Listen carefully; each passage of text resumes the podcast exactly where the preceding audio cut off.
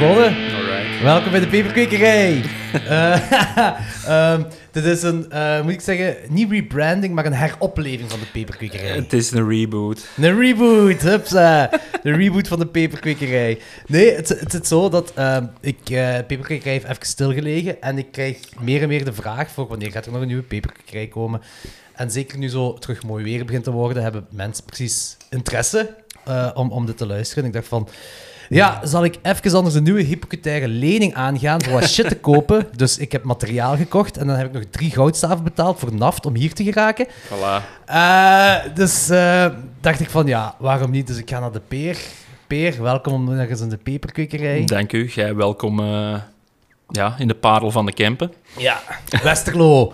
Voilà. Zalig. Tof huis, tof, toffe veranda dat je hier hebt. Ja, eh, ze staat er nog, omdat eh, met de grote storm van, wat is het? Twee, storm Lewis, of wat was het? Lewin? Ik Ja. meen L. Maar whatever, de grote storm van drie weken geleden was heel kort bij, of eh, de helft was weg.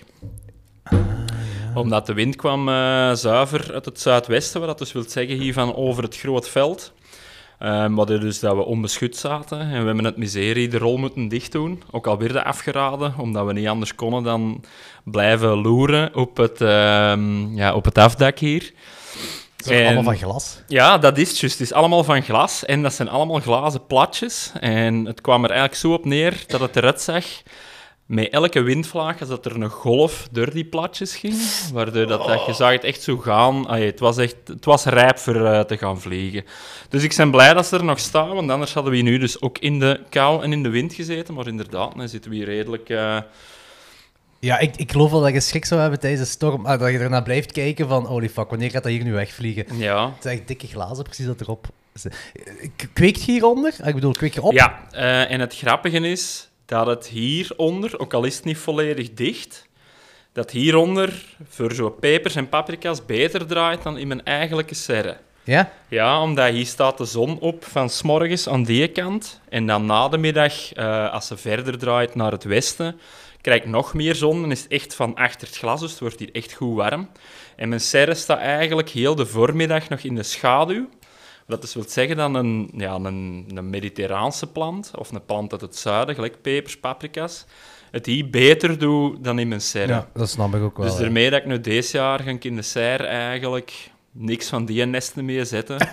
en gewoon alles hier doen. Ja, op de wilde boef in grote potten. En dat gaat beter, omdat de beekjes kunnen er beter aan. Het staat warmer. Het, staat Ja, ook, snap ik, ja. het is ook Ik heb nu nest- windvlaags ook voor, voor de bestuiving en zo. Ja, voilà. Ehm daarmee. Heb je al veel gezaaid? Nul. Niks. Ik ben echt eh, achter de feiten aan het aanhollen omdat het werk zo crimineel druk is. Dus ik heb nu het enige wat ik wel al gedaan heb, en dat is beter dan vorig jaar. Mijn serre is al omgedaan van binnen. Allee, terug opgeharkt, onkruid weggedaan, al wat je wilt. En ik heb mijn veldjes links en rechts ook al ehm, terug het onkruid Ah, grotendeels ja. omgedaan. Ja, ja, ja. Dus ik ben op zich eh, staat alles wel gereed voor te beginnen, maar eh, ik heb nog echt niks gezaaid. Ehm, dus ik loop achter. Maar dat is niet erg, want ik heb goed nieuws voor u. Ik, Oh heb, boy. ik heb zaadjes mee voor u. want ik heb wel veel gezaaid. Alright. En eh, ik, ik had gezegd tegen mezelf, ik ga deze jaar niet meer zoveel pepers zaaien, want ik had vorig jaar in de 100 planten. En Voilà. wat doet je met al die pepers? Ik heb ook heel veel moeten weggooien, omdat die zo in dozen waren achteraan de frigo. Allemaal beschimmeld. Voilà. Ja, en eh, mijn diepvries is nog altijd vol. De helft van de diepvries is vol met pepers. Dus wat, wat Daarmee. doe je daarmee? Ik heb me voorgenomen om alleen maar shit te, za- te zaaien die ik echt gebruik, zoals jalapenos eh, en chichitos. Ik weet niet of je die kent. Je hebt het nogal eens gezegd en ik heb gezegd, ik ga dat opzoeken. En gelijk als alles wat de mensen zeggen, je moet deze of dat checken, dat doe je dan niet. Maar de naam zegt me wel iets en je hebt gezegd dat... Dat is een Aziatische peper Ja. die niet pikant is. Of, Ik heb zo 1 in de 100 of zo, is, heeft, heeft de, is zo wat medium pikant. En ermee. Craig van Sigurdaal heeft daar een recept van doorgegeven. Ja, juist. aan, eh, aan, aan dingen, aan Gert Poel van Aresvest. En Gert heeft dat aan, aan mij Ah, laten weten. Alright. En eh, dat is eigenlijk gewoon olijf, dat bakken in olijfolie met wat peper en zout en wat knoflookruiden. En je hebt een heel lekkere snack. Ik heb ze ook meegenomen, de zaadjes voor u. Heel goed. Want ik had er vorig jaar had ik daar heel veel van. Eh, dat is echt zo... Een, eh, we hebben zo'n slachtkuip thuis gekregen van de opa van Machteld. En die hebben we vol met grond gedaan. En die heb ik vol met eh chicito-planten en jalapenos gedaan. En dus ik heb heel veel zaadjes ervan. Die heb ik mee. Hier, die mocht jij eh, eh, gaan voor. Die kom ook heel snel uit, vind ik. Want, eh, ik, heb, ik heb ook zo... Dit jaar heb ik dus die chisitos, die jalapenos en eh soepie, die heb ik ook mee voor u. Want omdat dat... dat is, vroeger was Hungarian Hot Wax mijn favoriete peper, maar is overgegaan naar soepie. Dat, eigenlijk, dat is een Chinese peper. En dat is wat Hungarian Hot Wax-achtig. Eh, dikke pepers zijn dat. Super lekker voor een salades te doen. Dus die heb ik zo allemaal veel van gezaaid. Zijn allemaal uitgekomen. Dus daar heb ik plantjes te veel van. En zaadjes te veel van. Eh, en al de rest wat ik heb... eh, ik heb mezelf zo wat betrapt. Zo van, oké, ik wil die dingen wel planten. Gewoon voor het uitzicht, omdat dat er graaf uitziet. Maar wat doet je er allemaal mee? Dus ik, ik dacht zo... Vorig jaar had ik dan zo... ehm, ik heb heel veel geoogst. Heel veel zaden ook geoogst. En eh, ik dacht, ik kan een paar van die dingetjes dat ik leuk vond van vorig jaar. Ik wil er zo twintigtal soorten, niet meer. Ik zit nu aan 60 soorten, denk ik. Want ik was vergeten Voilà. dat ik vorig jaar ook had gekocht. Ook zaden die ik niet ken. Zo exotische dingen. Gelijk, ik heb er ook wel van meegenomen. Gelijk Congo Black. En Congo Black is een super zwarte peper. Die heel, de Congo-pepers zijn heel groot. Dus ik dacht van, ja, why not? Eh, wat, wat heb ik hier nog van? Eh, ja, dus Congo Black. Die, oh, sorry. Ja, dat komt wel uit. Eh, Bleeding Jigsaw. Ik weet niet wat dat is. Maar, ja, ja, ja. Co- Congo Black klinkt eh, zeer Heart of Darkness, hè? Eh, Apocalypse. Heb Ja. ik ook mee. Congo Black klinkt zeer Heart of Darkness en je komt dan af mee Apocalypse. Apocalypse. Nou, Kent je de Bubblegums? nee, is dat een band? Klinkt als een poppunkband.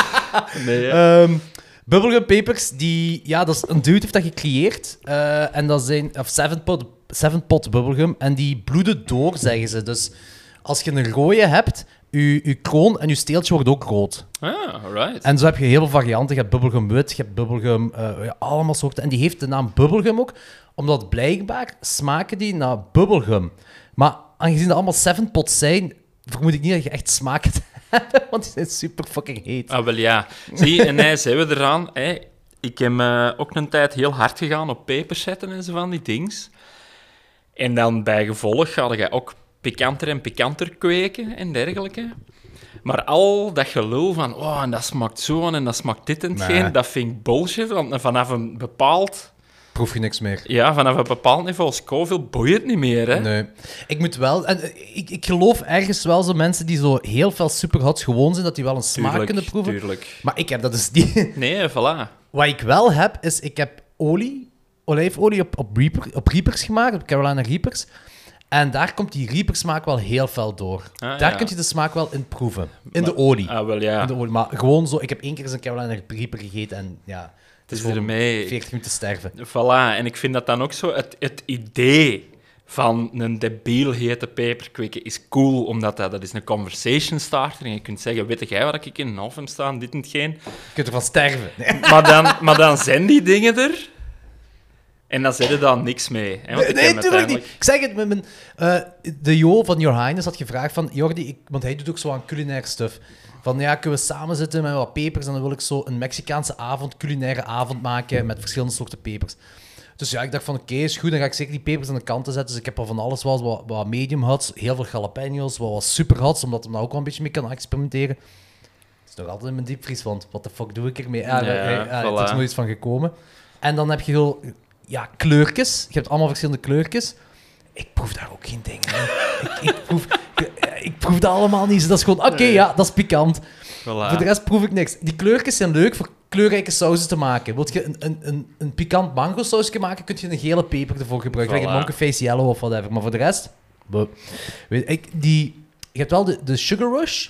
Mhm. Ehm, en dat had ik wel, eh, als die nog niet 100% rijp zijn, zijn die ook niet heel pikant. Mhm. Zo wat medium. En dan proeven ze wat ajuinachtig. Mhm. En eenmaal dat ze rijp zijn, zijn die zoet. Dat kan ik wel zeggen. Gewoon zoet, maar ook wel heel pikant. Dat wel. Maar dat, is- dat is zelfs geen superhot. Dat is zo... eh, Nee, maar ja, uiteindelijk... Ik denk dat we ook niet echt het gewend zijn van zo pikant te eten, dat ook niet uitmaakt of dat gewoon een hete of een superhot Nee, of zeker ik weet niet wat is. Want over, over eh, eh, nucleair stuff gepraat. Ehm, ik, ik heb de Chocolate Primo Alien Head. Nu, Oh daar is een klein verhaaltje achter. Die had ik twee jaar geleden had ik die zaadjes gekocht via een Italiaan. Ik vind die, ik vind die peper vind ik niet meer op een website, Chocolate Primo Alien Head. Dus ik weet niet hoe die eraan komt, zelfs niet op die website bij die Italiaan.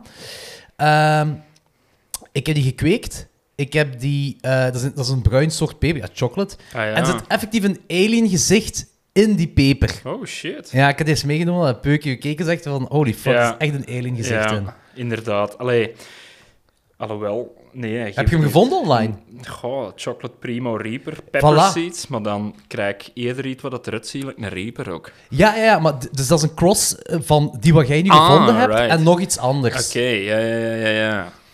Eh, en die heb ik dan uitgekweekt, dus ik heb er ook heel veel zaadjes van. Die is ook mega pikant. Het is zoiets, hè? Nee, nee, het is echt, het is echt, ja, ja, het is echt, echt alien. Er zit- er zit echt een alien gezichtje in. Alright, spooky. Ik ben curieus. En ook zo, die heb ik dus omwille van dat ziet er cool uit. Ja, want ik vind wel, die, zo van die chocolatepepers, die, die zijn ook altijd wel beduidend zoeter.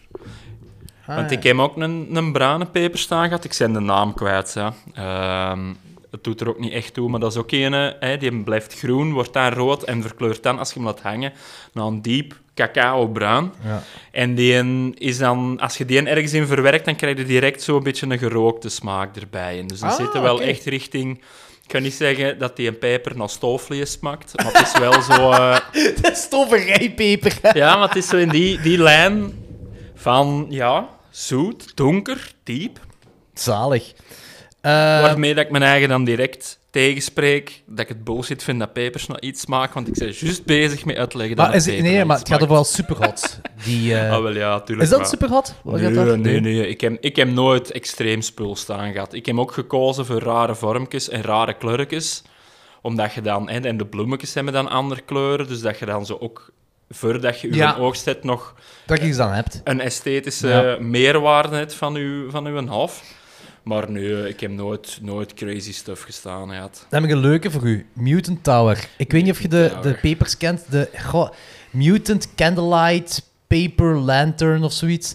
Eh, die hebben heel speciale blaadjes. Ze zijn zo heel anders dan gewoon peperbladeren. Dat zo wat meer... eh, ja, heel dunne bladeren hebben die. Dat is zo heel Ja. bossig groen.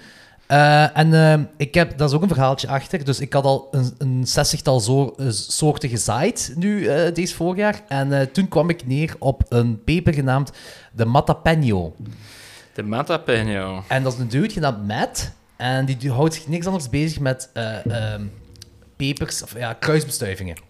En die heeft nu, die heeft dat, ik weet niet hoe hij dat gedaan heeft, maar hij heeft dat kunnen creëren, een soort van jalapeno, met witte bladeren. Dus uw, uw struik is wit, of half wit, half groen, half wit. Eh, en want normaal gezien, als er zo'n witte uitkomt, die kan geen fotosynthese doen, Nee, zo'n plant, zo, maar daar dus blijkbaar wel. En die Matapeño, ik zei, shit, die moet ik hebben. Niemand in Europa verkoopt dat. Dus ik ga naar die website, 25 dollar voor zo acht zaadjes. Oh, Wauw, jong! Ofwel, voor 25 dollar zaadjes kopen en dan krijg je die Matapeño erbij. Dus ik dacht, oké, kan je eens winkelen. Eh, en die heeft zo van die mutant shit, heeft hij. Dus eh, ik dacht, oké, dat koop ik. En dan heb ik nog zo wat rare dingen. Gelijk hier, een eh, Purple Cacho White Leaf. Ook een met witte bladeren.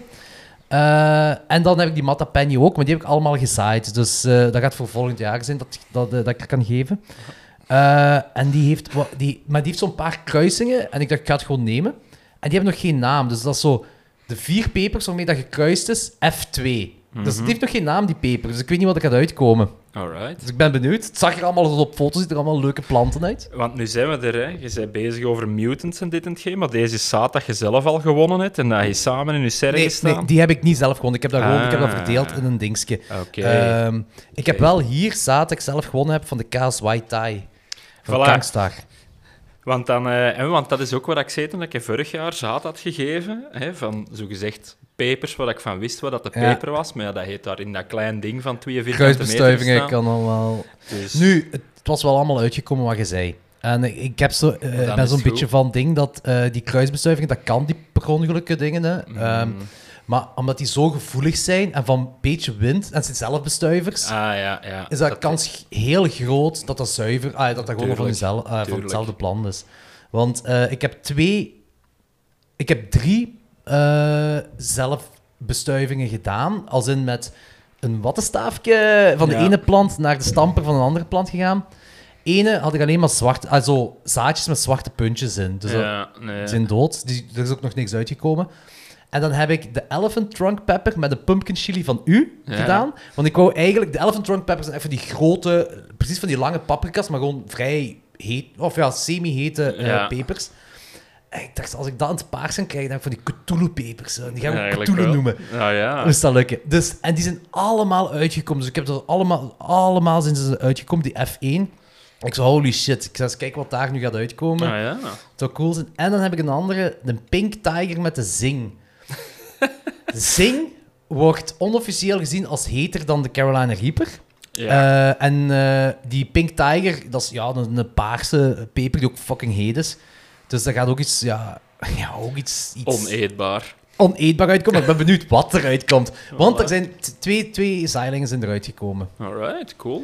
Ja, dat is gewoon het experimenteren ermee en kijken wat eruit komt. Dat vind ik leuk, want die peper gaat oneetbaar zijn inderdaad. Maar Ja, of juist niet, je weet dat niet, hè. Voor hetzelfde geld cancelt aan elkaar dan uit, hè. Wordt dat, eh, wordt dat juist minder heet, hè. bij de habaneros hebben ze dat gedaan, hè? Dat is de wel, smaak... Habanados, of habanadas heet dat dan. Kan goed. Dan, eh, dan heb je alleen de smaak van de habanero. Ik zou willen dat iemand dat doet met die eh, eh, bubblegums. Ja, wel ja. Te eten. Voilà. Ehm, ik heb hier ook nog Bleeding Heart. Bleeding Heart. Ja, ik weet niet wat dat is, maar ja, ook ergens van een website gekocht. Oh, de. Thunder Mountain Longhorn, die, die heb ik zelf gekweekt. Dat is ehm, super smalle, maar heel lange Klinkt, eh, klinkt ook zeer on-brand met mijn country bullshit. Ah ja, voilà. Ik was nog eh, onderweg naar hier, was ik toen aan luisteren, de laatste. Ehm, dat je juist aan het zeggen waart van, ja, eh, eh, dat je denkt dat alles opgelost is, of dat alles in orde is in de wereld, en dan gebeurt die oorlog. Ja, ik, ik heb me op punt gestaan van al een keer of drie te stoppen. en dan elke keer, juist als ik ging zeggen tegen mijn af, juist als ik besloten het is de laatste aflevering, was dan terug quarantine.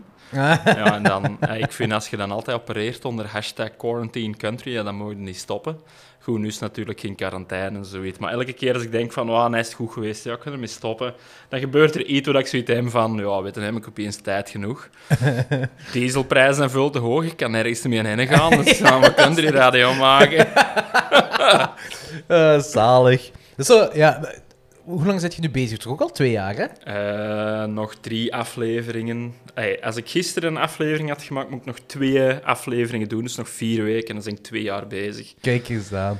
Eh, voor de luisteraars die niet weten waar ik het over heb, de Peer heeft een, eh, een country ra- radio dat Lawnmowers and Liquor Stores heet. waar hij nu ondertussen zo goed als twee jaar mee bezig is. Ja, ik zit ongeveer aan aflevering 55, denk ik. Wat dat dan op zich niet zo indrukwekkend lijkt. Maar als je dan weet dat dat telkens playlists van een uur zijn, dan wil dat zeggen dat dat 55 uur country is. En dat is echt meer country dan een mens in zijn leven nodig. Ja. Eh, maar het is wel heel gezellig om naar te luisteren. Ik, het vooral voor mij, omdat ik er niks van ken. Eh, ik ken ook letterlijk niks van coun- country. En dat is zo... Dat is dus iets anders. Super chill om, eh, zeker zoals als het mooi weer is, als je aan het hier bent. Voilà. Dan is dat super leuk. Voilà. Het, is, het is geen aanslag op, op je zenuwen. Hè. Nee. geen, eh, heel, de, heel de dag black metal, heel de dag hardcore. Of heel de dag de peperkweker even klokslag 12 luisteren. Hoewel, ze zeggen altijd dat de podcasts nu zo terug zo populair zijn, omdat eh, het horen van andere mensen goed zou zijn voor eh, uw hartslag en uw zenuwen en dergelijke. En dat dat, ik, dat denk, een ik, denk, is. elke podcast dat ik inzet, is niet goed voor je zenuwen, voor je hart, je Oh, hart tuurlijk ontploft. wel, Tuurlijk wel. Eh, kent je de rocotto-peper? Ik ken letterlijk niks meer van pepers. hè. als ik hier eh, de een na de andere obscure soort hoor eh, bovenhalen. De rocotto is niet zo obscuur. Ehm, dat, zijn, eh, dat is een peper die eigenlijk een soort van mini-appel vormt. En die zaadjes zijn zwart. Eh die zijn Ja, heel ik- sappig ook. Dat is zo een dikke vruchtlaag, heeft dat. Ah, right. Want dat was mijn groot probleem met die Purple UFO's dat ik had. Ik vond die heel lekker, aangenaam, niet straf, maar toch als een soort ja, straffe paprika eigenlijk. Ging overal goed bij in. Ja. Maar als het heel droog en warm was, werden die super dun, waar dat je precies gewoon pikant papier aan deed. Hè. dus als je zegt dat, Dat is deze dik effect- vruchtvlees, Ah, ja. wel ja, dat is hetgeen wat, dat, eh, wat ik eigenlijk miste aan veel van mijn pepers. Want dat is ook wat ik een gewone Thaise peper zo goed aan vind eigenlijk. Dat is dan basic bitch tot Ja, en met. Maar uiteindelijk die zijn goed dik, zijn niet te straf, hebben goed als smaak. Dat is waar. Zonder dat je één van die dings opgeeft. Nee, dat is Dus inderdaad waar. Klopt. Eh, de Brazilian Starfish, ja, dat is ook zo eh, oogst uit zelfkweek en eh, die, die heeft gewoon een grave vorm, die Brazilian Starfish. Eh, en dan heb ik nog Oda, maar ik heb geen idee wat dat is. Eh, ook een soort peper. Ik weet het niet. Alright. Ja, ik ben alles tegelijkertijd rap aan het googelen. Eh, pepper. ah, oké, ja, die zijn ook paars. Ah ja, zou kunnen, ja. Alright, nee, goed. Dat doet me denken aan... Die heeft dezelfde vorm, min of meer, van die Chinese vijfkleur dat ze Ah, ja, ja, ja, ja. ja. Alleen groeit deze gelijk een paprika naar beneden. Dat wordt precies ook redelijk groot, die odas. Ja, gelijk die foto waar je hebt laten zien, inderdaad, ja. Ja. Alright, nee. ehm, ja, dan voel ik mij moreel verplicht van toch nog eh, redelijk wat papers te gaan zetten. Ja, het is nog niet te laat, hè. Nee, nee. En ik ga ook zeggen, ik heb het gevoel elk jaar, dus de, de laatste drie dan, dat ik echt in februari al aan het planten was in huis. dan had ik het gevoel dat mijn planten al te groot waren. Te lang zo, hè, aan het strekken. Ja, Ja. want zo, ik zette dan ook eind februari mijn pompoenen, dat je dan leest dat is nodig en je moet, dat, hè, je moet erbij zijn en dit en hetgeen en je doet dat dan. En tegen dat ik ze dan kan buiten zetten, als het vriezen gedaan is, ja, dan zijn die al uitgeschoten en te zwak geworden. Ah, dus ja. uiteindelijk, het is misschien geen ramp. Ik heb morgen en nog een dag van het weekend. Misschien moet ik morgen eens eh, een grote inhaalbeweging doen. Ik, ik ben zelf eh, eind februari, begin maart begonnen met, met te zaaien. Ik heb ze op de, op de chauffageketel laten ontkiemen. Ja, ik heb hier eh, eigenlijk aan deze grote raam... Ja, podcastluisteraars weten daar natuurlijk niks mee, maar achter mij is een grote raam en die krijgt eh, de zon na de middag volledig. En dat is de ideale spot voor het laten ontkiemen. Bovenop de radiateur, in Ja. de zon, prima. Ja, inderdaad, ja. Ja, het was gewoon toen ik begonnen was, was er nog niet zoveel zon. Ja. Eh, maar nu wel. Dus, wel. dus ik heb ook wel een aantal de zaailingen die echt zo'n strekken zijn, omdat dat in, ja, in de kelder was, die Ja, chauffageketel. wel, ja, het is ermee. Maar nee, maar ça va wel. Het is gewoon... Het is, het is- ik heb ook zo... Gewoon... Ik doe dat altijd aan meer zaaien dan dat nodig is, maar nu heb ik echt het gevoel dat alles is uitgekomen. Dus ik heb weer veel mogen weggeven. Maar ik vind met pepers hebben dat heel rap. Want ik ben ook iemand, ik ben van onder het eh, motto better safe than sorry. Zo, eh, oké, ik wil één plant zetten, dus ik zal er maar drie zetten. Maar ja, Ja. dan zal ik er maar voor de zekerheid zes zetten. en als je dat dan met zeven soorten doet en opeens 35 planten, ja, dan moet je ook beginnen nut telen. En ja, na. Een tijd, na een tijd hebben ze ook iedereen uitgeput die dat je stoemelingsplanten kunt in hun handen houden. Ja, en dan zeggen ze, ah, maar ik heb ook nog plantjes voor u. Moet je deze ook hebben? voilà, Ja, voilà, blijf je voilà. bezig. hè. Doet je, doet je nog iets anders dan pepers? Ja, ehm, ik zeg het vorig jaar al, dat ik volgens een gans nieuw procedé aan het zaaien en, of gaan planten terug. En dat is ehm, volgens het principe van dat je alleen dingen zet die dat ook fucking eetbaar zijn. dus eh ik heb eh, eh, vorig, vorig jaar in het najaar serieus ingezet op winterprei. Dus ik heb nu veel Ah, prei, wat oké. al lekker is. En dan patatten heb ik ook goed gerellig gezet. Alleen heb ik daar ook mijn eigen overdacht. Oei. Door soorten te kiezen die daar goed tegen de droogte kunnen. En wat hebben we nu vorig jaar niet gehad? Zomer en droog. Dus al die fucking pataten waren dan verzopen. En dan had ik echt twee keer niks. Maar ik kan dus hey, een van de veldjes links of rechts eh ga ik wel een, eh, goh, ja, zeker 15 vierkante meter patatten zetten. Omdat dat iets is dat je kunt dat lang bewaren. Dat is een goede opbrengst. Je kunt patatten bij alles eten. Dat is waar. En dan denk ik dat ik ook terug ga inzetten op pompoenen. Omdat ik, ehm, ik zal er straks ook meegeven, Ah, nog wat pompoenen hem, eh, pompoenzaad hem gewonnen van een hele lekkere pompoen dat ik stommelings in de Colruyt gekocht had. Eh, Crown Prince of zoiets. Dat waren eh, zo van die groenig, groenig, witte... Ja, typisch een pompoen. Je dan een pompoen Zo, ziet? gelijk een hoed precies. Eh, niet echt lekker een, platte hoed. hoed, zo, nee, Het, nee? is, het is echt stereotyp, een pompoen, maar Ah, dan niet oranje, maar zo muntig groen. Zo Ah, oké. minty green. En die zijn heel zoet, heel lekker, supergoed voor een currysoep mee te maken. Of gewoon in een curry te douwen, of gewoon als puree op te eten, whatever. Dus daar ga ik mij serieus op inzetten. En dan waarschijnlijk ook courgette nog, waarom niet? En dan in de serre gewoon, like andere jaren, eh, een massa tomaten. Zijn ze gelukt vorig jaar bij u? Mijn tomaten, ehm etelijke soorten, maar dan sommige ook niet. Mijn black cherries, kleine zwarte, Ja, ja, ja. die hebben het redelijk goed gedaan. Dan gewoon de keurde buffs deden het ook goed, maar die zijn niet typisch, ja, geen runderhartvorm geworden, Ah, maar gewoon een tomaat geworden. Dus zo de tomaten die dat echt warmte en droogte nodig hadden, hebben het ook niet goed gedaan. Maar de kleinere soortjes hebben het wel goed gedaan. Maar omdat... Met de schimmel, hè. Ja, en ja, gewoon, het was te kou. Het- Voor alles mediterraan was het eigenlijk echt te Ja. kou. Ja, ik, ik heb, wel- mijn, mijn pepers hebben het heel goed gedaan vorig jaar. Maar eh, mijn tomaten, zo goed als alles heb ik moeten... Uiteindelijk heb ik alles moeten weggooien, ook die schimmel. Ja. Eh, en dat is, wel, dat is wel kloot, want ik heb dit jaar ik, heb, ik heb geen tomaten bijgekocht. Dus ik had gekeken wat ik nog over had. Het zijn zo, ja, ook wel zo speciale dingen. Lemon plum en weet ik veel wat allemaal. Ik zeg, godverdomme, ik had beter nog wat keur de buffs over gehad om te zaaien. Ja, keur de buff recht uit een half, dat is zo... Dat, Dat is zo goed, hè. dat is een geschenk en dat is een vloek, vind ik. Omdat dat is zo lekker en dat is zo goed. Maar je kunt dan nadien ook geen tomaten meer kopen in de winkel. Ja, ah, zo bedoel Dus bij mij is het wel een half jaar geleden dat ik nog tomaten heb gegeten, omdat de laatste heb ik opgegeten en dan, ja, je er geen meer, want je weet dat dat in de winkel Dat is niet zo goed. waterballonnen zijn, dus Ja. fuck shit. dus, eh nee, ermee. En voor de rest eh, ga ik het eigenlijk kalm houden, denk ik. Ehm, misschien... Ja, nee, ik- heb nog niet echt nagedacht. Het is, de focuspunt is pompoenen en patatten, omdat ik zeker zijn dat dat goede opbrengst geeft.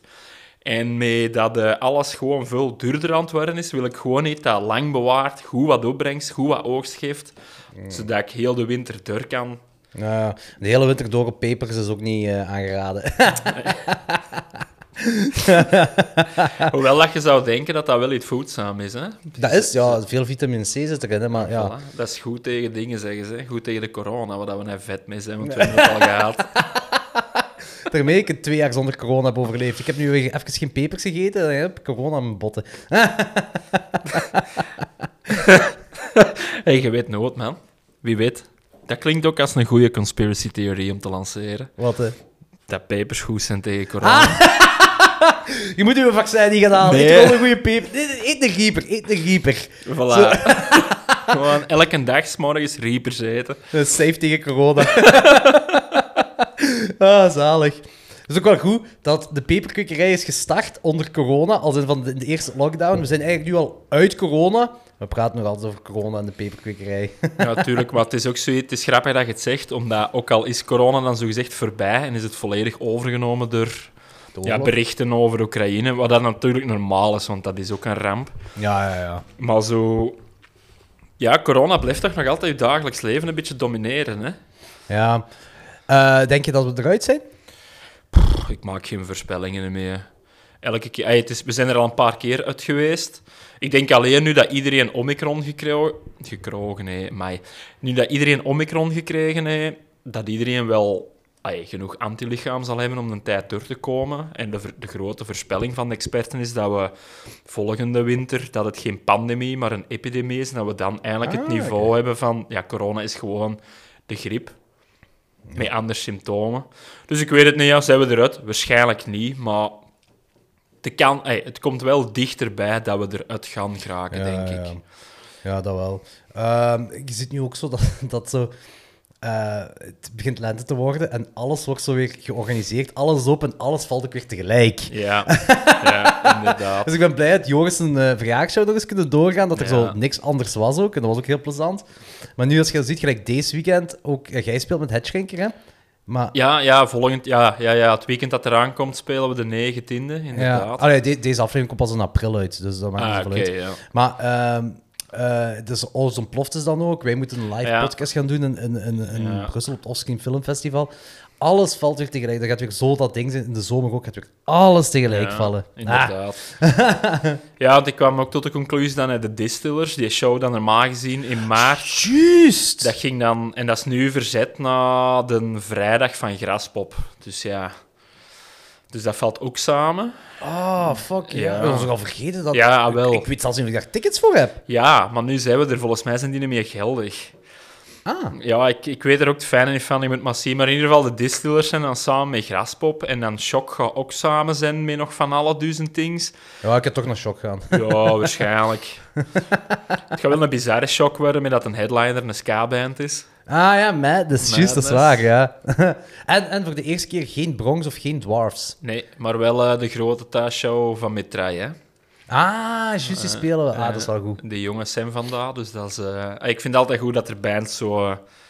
een thuismatch kunnen komen spelen op het lokale. Ik vind, ik vind het gewoon al goed dat, dat Shock eh, er iets aan doet om zo kleinere bands te boeken. Mhm. Eh, dat is nog zo, dat is zo een van de weinige grotere festivals die het nog effectief doet. Oh ja. En dat vind ik al goed. Ik denk ook dat Shock niet veel groter ermee kan worden.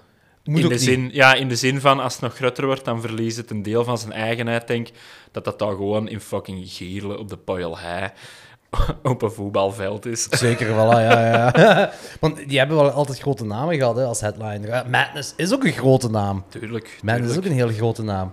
Ehm, en eh, hoe, is het met Hedgeschenker eigenlijk nu? Eh, ehm, goed. In de zin van dat we nieuwe nummers aan het schrijven zijn en dat we ook al een aantal weken terug aan het repeteren zijn, omdat samen met de vorige semi... Het is geen lockdown, maar het is een lockdown, dus ons repetitiekot ook dicht gegaan. Ja, en dan heb ik corona gehad en hij het is de Karel corona en zo. Allee, het is, hij is zijn eigen ook zo allemaal een beetje opgevolgd. Van de redenen dat we niet konden repeteren, maar we zijn Ja. net terug bezig. En pff, ja, uiteindelijk, voor het type band dat we zijn en het weinig aantal shows dat we gaan spelen, is het ruim voldoende. Hè, en draai het gelijk als dat moet draaien, denk ik. Ehm, Want het tapeje was snel uitverkocht. Hè? ja, we hebben daar nu nog een tweede run van gedaan. En die was juist af. Ja, op nog een of andere show. Ah, op die show in Kafka dat we gespeeld hebben, hadden we een tweede run bij. En dan is daar een nieuwe lockdown begonnen. Dus die staan eh, al twee maanden terug in de Karels en Kas. Dus we, Ah, hebben ja. hij nog wel, we hebben hij nog wel wat tapes over ervan. En eh, tegen dan die show dat eh, in negen- op 19 maart door, doorgaat, doorging. Tegen dat je het aan het horen bent, deze is dat doorgegaan en achter de rug. Eh, en we hebben ook patchjes bij. Dus in plaats van de eerste t-shirt of zo, in plaats Eerste van direct... patchje. Ja, we doen zo gewoon kleine domme dingen. En eh, ja, ik zeg het op het eh, Crossbone Fest Forum ook al, eh, met dat de Joris zei dat hij vanuit Antwerpen naar Duffel ging fietsen voor die snuffshow. Ah. Ja, met deze dieselprijzen kunnen we binnenkort allemaal met de Velona shows. En dan kunnen we eigenlijk beter een koersbroek uitbrengen met, als bandmerch. Iedereen op zijn minst toch met een zeemvel in de broek comfortabel op shows Dat geraakt. is wel waar. Eh, het Crossbomfest Forum, oh, daar ben ik al jaren niet meer op geweest. Ja, dat is zo, eh, hoe zeggen ze dat? Geriatrisch op leven na dood. Dus vijf man dat zo wat blijft posten. gewoon for the sake of posting. En Zalig. dat is het. Ja, daar zit ook nog wel animo op. Oh shit. Ah, moet ik eens kijken als ik daar nog op geraak. Dat is wel cool. En wat, wat Snuff heeft... Ah, ik heb dat gezien op zijn Instagram, inderdaad. Ja, ik denk dat dat een beetje een ska-punk band zo ziet. Ik heb dat precies toch een dude met een trompet zien in een hoek staan. Ik weet dat niet. Ik, ik weet echt niet wat dat snuff is. Ik, Eh, ik, ik, buiten dat dat heel lelijke filmpjes zijn, Snuff, Ja, eh, is ook een ik, weet dat die band vroeger op Fat Track stond. En dat stond zo altijd zo tussen de grote namen, Lijkwagen en van die dingen allemaal. En ik heb daar jaren niks meer van gehoord. Eh, dus het verbaasde me eigenlijk dat die... Maar ik heb ook niet gehoord dat, dat, dat er een show ging doorgaan van de band. ja eh, die zijn blijkbaar een beetje op tour, denk ik. Ik weet het eigenlijk niet. Het is gewoon, ik zeg het, ik heb het Joris zien posten, Ja, ja, daardoor ja, wist ik het. En is met de Ja. fiets gegaan vandaag. Ja, ja je, je moet echt wel, hè. Mannetjes, het is Dus, die, weet je nog in het... eh, dit, dit klinkt oud. Weet je nog in de tijd toen we vier keer per week naar Schauke gingen? Was dat tien jaar geleden of zo? Eh, ja, moet toch al tien jaar geleden zijn ondertussen. Ja, er is ook nog wel een tijd geweest, vlak voor corona, dat zo even keiveel shows waren. Ja. En dat ik dan ook nog toch aan twee à drie kwam. Zo, ja, de, de, de glorietijden van donderdag, vrijdag, zaterdag, zondag show. Ja, dat is al voorbij. Dat is- maar zeker nu met die naftprijzen kun je dat gewoon niet maken. Ik weet dat ik toen al veel, naft, veel geld aan naft opdeed, maar nu is dat gewoon niet meer te doen. Niet Ah, meer te betalen. en dat was toen, toen was het minder dan de helft van wat dat een nij kost. Ja, hoe, hoe gaan bands dat nu... Hoe doen die dat nu met deze Ik heb geen idee. Ik heb, het mijn eigen, ik heb het mijn eigen ook afgevraagd. Als je zo een of ander oude afstandsbusje dat ik weet niet was hebt, en je gaat heel Europa doortoeren, mannetjes, jong. Hey, Dat kost een fortuin. Ja, wel ja, maar is de- dat is was- waarschijnlijk wat dat ze bedoelen met inflatie, hè, want dan gaat de gage van de bands ook omhoog gaan. En dan gaan de shows ook duurder worden. En En daar er nog minder volk naar shows gaan. Ja. Ja, ja, voilà. want zij moeten ook naf betalen om op die shows te geraken. Ah ja, tuurlijk, tuurlijk, Ja, en dan denk je zo, ah ja, bands naar punkshocken geweest, 50 euro kwijt. Maar hoeveel merch heb je gekocht? Niks. naf gekocht.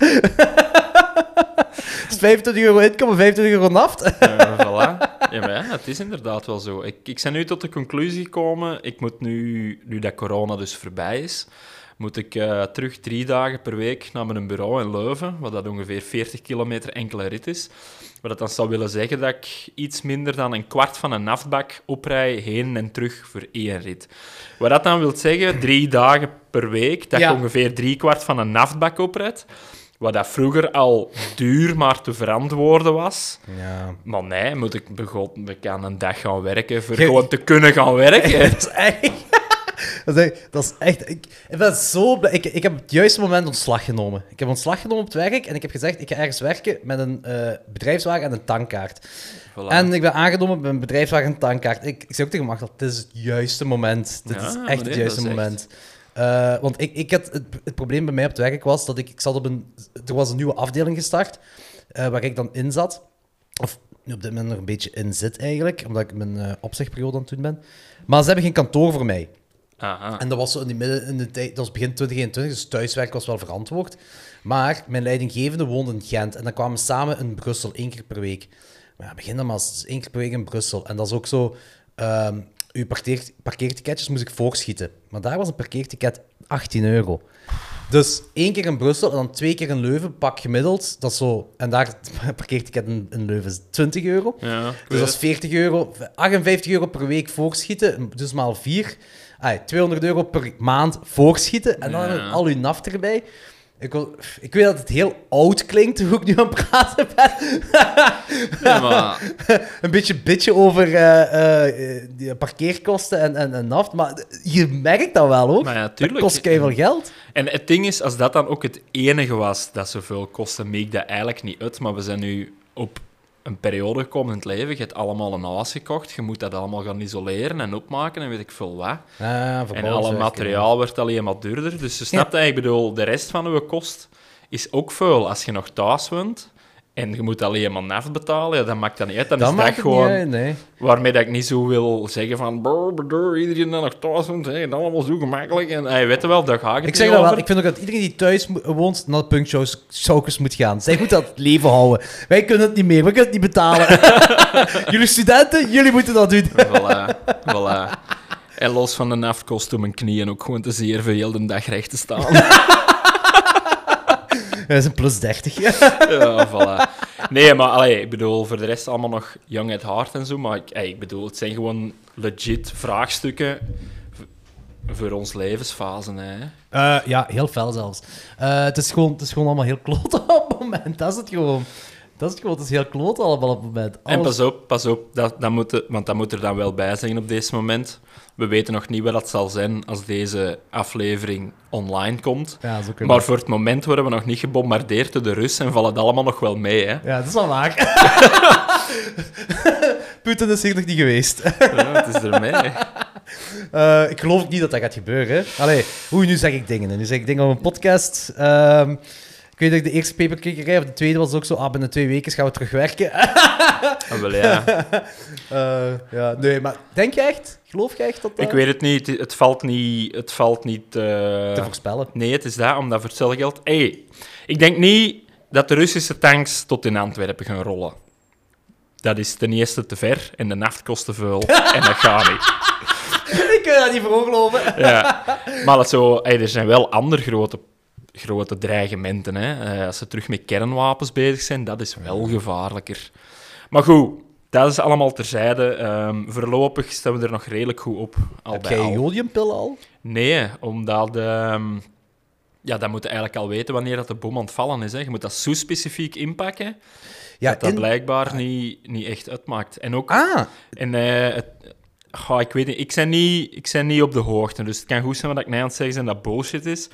Maar als op werk zijn is ook iets dat dat een beetje afhangt van de leeftijd. Dus het kan goed zijn dat we, nee, zo, wij als dertigers weer zo juist in een sweet spot vallen, dat dat allemaal niet uitmaakt. oké, kijk hoe. Hey, het, het, het had er iets mee te maken dat je dat moest inpakken op het moment dat de ontploffing gebeurt of zoiets. Of vlak ervoor of vlak erna, omdat die jodium zorgt er dan voor dat je schildklieren of zoiets al zijn Ja. volgeladen en daardoor geen radioactiviteit meer oppakken. Hè? Want daar gaat het. Ja, is ja daar gaat het om, daar gaat het om. Ja, klopt.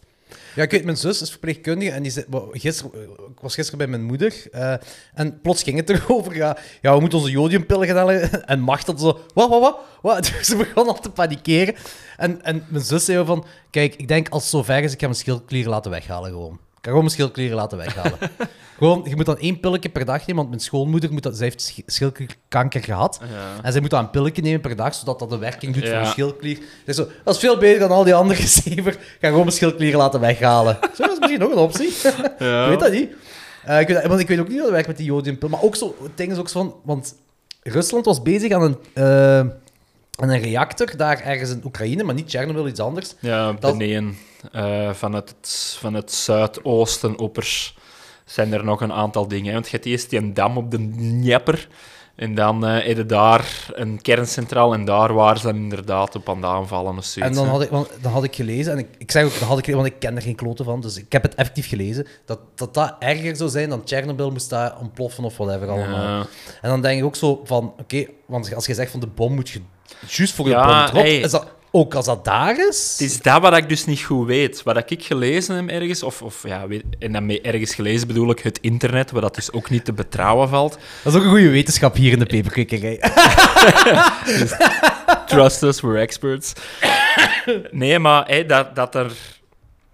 Dat dat dan samenvalt inderdaad met een kernramp, bijvoorbeeld hè, een reactor dat op ontploffen staat, en dat dan eigenlijk een boodschap moet komen van de overheid van nu moet het inpakken. Omdat als je dat te vroeg doet, dan mist het effect ook. Of als je het dan te laat doet, is het ook al te laat. Dus zo. Ik zeg nou niet dat dat op de seconde juist moet zijn van oké, als, Nee, de, nee, nee, als nee. de bom valt, heb je 36 seconden. en als je het op 5 of op 37 doet, dan gaat het dood.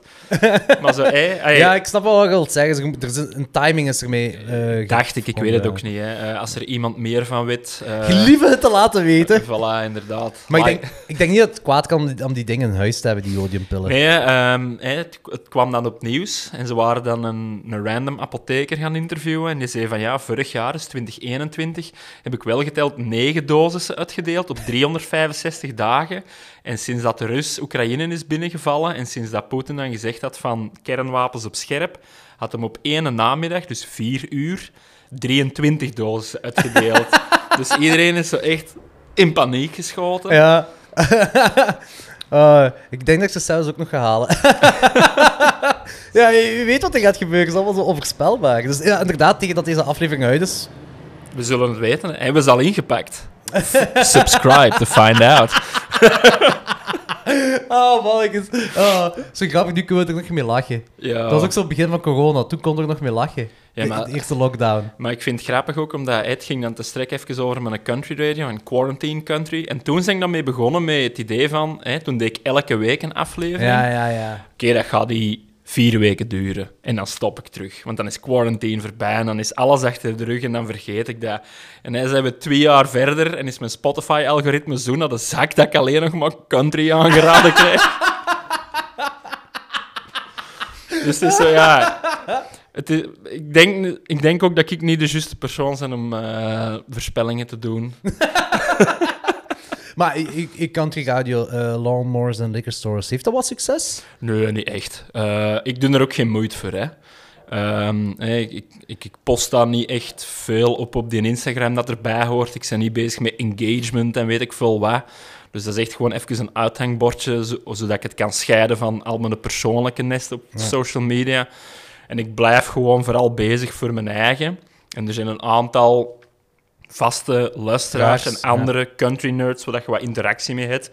Maar het is zo niet, niet het, grote, het grote publiek dat daar... Het is ook de niche uiteindelijk, hè. De- Het is een niche, maar ik heb er wel veel bij bijgeleerd. En ik vond het echt effectief... eh, eh, het is echt rel- relaxerend om naar te luisteren. Dat is echt... Ik denk dat, eh, dat het feit dat ze me van Spotify hebben gegooid, dat dat een beetje de, de doodsteek was. Omdat er zit te veel gecopyright materiaal in. Ah, ja, ja. En eh, ja, de algoritme gaat dan de wavelengths na of zoiets, weet ik veel wat. En daar komt het dan tot de conclusie dat dat opent met een volledig nummer van copyrighted materiaal. En dan bannen ze me gewoon... Ey, dat zijn gewoon direct geband.